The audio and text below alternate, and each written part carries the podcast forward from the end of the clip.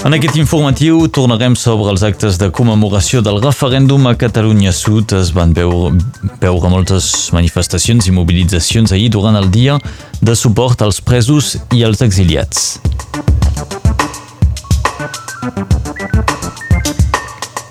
El departament ha presentat una nova imatge promocional. Es tracta de la campanya La quatrième dimensió. I ja s'ha superat la xifra dels 1.000 migrants morts al Mediterrani des de l'inici de l'any. Ho va revelar ahir l'Agència de les Nacions Unides pels Refugiats.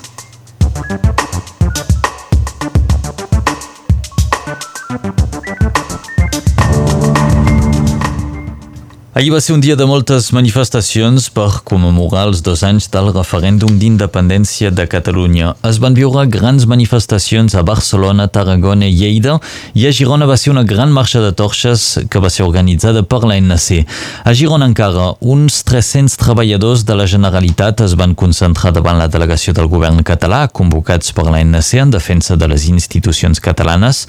En aquesta manifestació es va agrair el paper que els nord-catalans van tenir per fer possible possible que les urnes de l'1 d'octubre arribessin als col·legis electorals el dia del referèndum.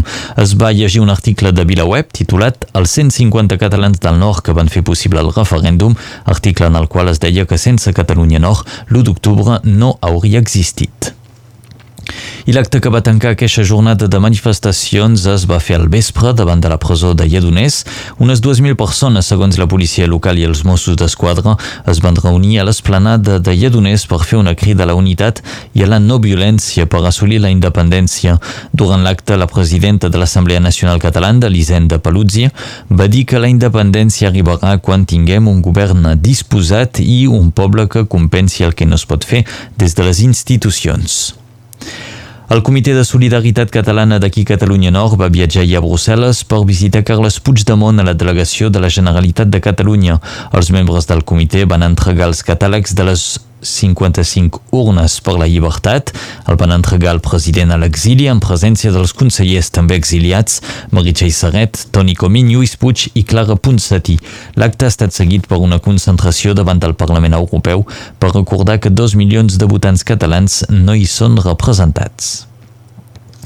La moció de censura que Ciutadans eh, proposa contra el president Quim Torra serà presentada dilluns al matí al Parlament de Catalunya.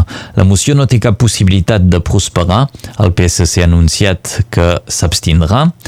Els comuns tampoc no li donen, donaran suport, els independentistes evidentment hi votaran en contra i només el PP podria donar suport en aquesta moció de Ciutadans. Informació nord-catalana a Sayagusa segueix la investigació de la mort d'un pare i la seva filla de 8 anys en un apartament. Tots dos haurien mort per asfixia, asfixia perdó, al monòxid de carboni. És el resultat de l'autòpsia realitzada ahir. De moment la pista privilegiada segueix sent la de l'infanticidi seguit d'un suïcidi. La policia ha arrestat quatre persones en relació amb el robatori del local de la penya usapista al Sant Guior amb l'USAP. Fa tot just un mes a Torrelles uns individus van robar i incendiar aquell local. Les destrosses es van avaluar en uns 10.000 euros. Una part del material robat ha estat restituït a la penya. La investigació continua i els detinguts han estat plaçats en guàrdia vista.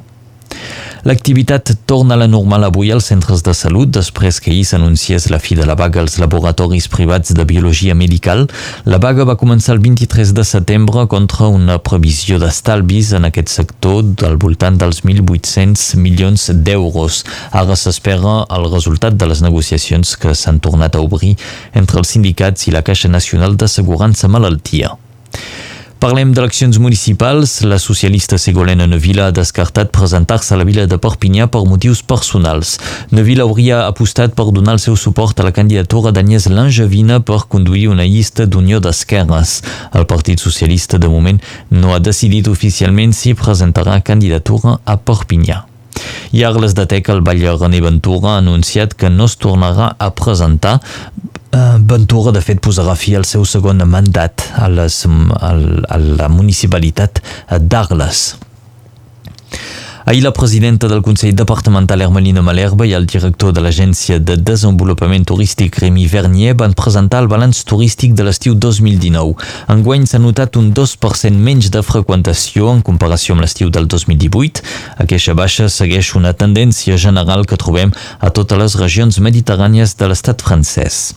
I aquell dimarts també es va presentar el nou logo de promoció turística de Catalunya Nord, un logo amb un nom enigmàtic i llarg, la 4 quatrième dimension Pyrénées-Méditerranée en pays català. La quatrième dimensió fa referència a les quatre estacions de l'any, però també als quatre espais, mar, muntanya, camp i ciutat, i també les quatre barres catalanes.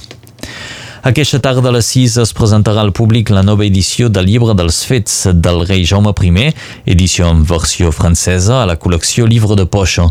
És tot un reconeixement per aquesta obra que ha estat traduïda per l'historiador Robert Vinas. Per primera vegada entra a la famosa col·lecció, la prestigiosa col·lecció de les lletres gòtiques del Livre de Poixa. És la primera obra catalana que entra en aquesta col·lecció. És una versió completa amb un aparat crític completament revisat en relació amb la primera edició que vam fer al 2007 aquí. I, i se suposa que el llibre així serà accessible a tot el públic francès i exterior també eh, de fora de França que entenen el francès pots veure el catàleg de la col·lecció de, de les lletres gòtiques és el nostre llibre serà al mig d'obres capdals de la literatura francesa i mundial. Explicacions de l'historiador Robert Vinas, que ha traduït el llibre dels fets en llengua francesa. El llibre dels fets del rei Jaume I, doncs, en llibre de poixa, serà presentat avui a les 6 de la tarda a la sala de, de les llibertats de Perpinyà. L'acte és organitzat per Òmnium Cultural Catalunya Nord. A l'estat francès, l'incendi de la fàbrica Lubrizol a Rouen ha estat qualificat de catàstrofe industrial per les autoritats. S'ha avaluat la quantitat de productes químics cremats en unes 5.250 tones. La inquietud dels habitants és encara ben present, sobretot pel que fa de les conseqüències sanitàries i ecològiques d'aquest sinistre. L'Agència de les Nacions Unides pels Refugiats acaba d'anunciar que ahir es va superar la barra dels 1.000 migrants morts al Mediterrani des de l'inici de l'any. És el sisè any consecutiu que se supera aquesta xifra. L'agència ha llançat una crida d'urgència als estats membres de la Unió Europea perquè reactivin les operacions de recerca i socors al mar. Segons l'agència de l'ONU, els refugiats el 70% d'aquests morts es produeixen al Mediterrani central, entre les costes de Líbia, Malta i Itàlia. Els esports i avui torna la Lliga de Campions al Camp Nou. El Barça afronta l'Inter de Milà a partir de les 9 del vespre. Malgrat les baixes per lesió de diversos jugadors clau, el Barça intentarà sumar els tres primers punts de la competició.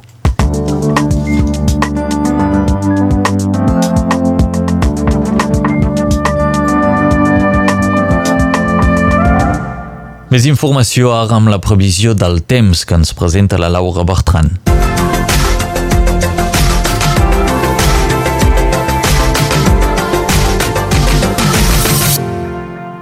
Clarianes, vent i baixada de temperatures per avui.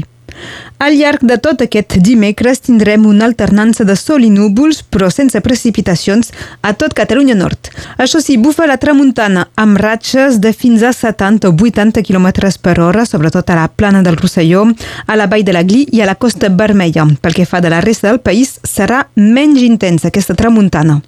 Les temperatures són més baixes que les d'ahir, amb unes màximes que no passaran dels 25 graus a Serret, 22 a Salses, Cabestany i Surreda, 21 graus tant a Prada com a Prats de Molló, 19 a Montferrer, 18 graus a Mosset, 17 del banc d'Estavar, 16 a Fontpedrosa, 13 graus a Bolquera, 12 tant a Montlluís com als Angles, on ahir, per exemple, es van superar els 20 graus, i 11 de màxima a Formigueres. Ens trobem, però, molt lluny del rècord de fred a Ribes Altes per un dia com avui. El 2 d'octubre més fred de la història va ser l'any 1924 amb una mínima que va arribar als 0,9 graus. Un dia com avui, l'Assemblea Constituent del Separatisme Català aprova la Constitució Provisional de la República Catalana. No va ser l'any 2017, sinó l'any 1928 ja. El sol es pondrà a les 19 i 28, perdrem encara 3 minuts de llum del dia. I aquest 2 d'octubre és el Dia Internacional de la No Violència. Recordem que és un dia com avui que va néixer Mahatma Gandhi, va ser l'any 1869.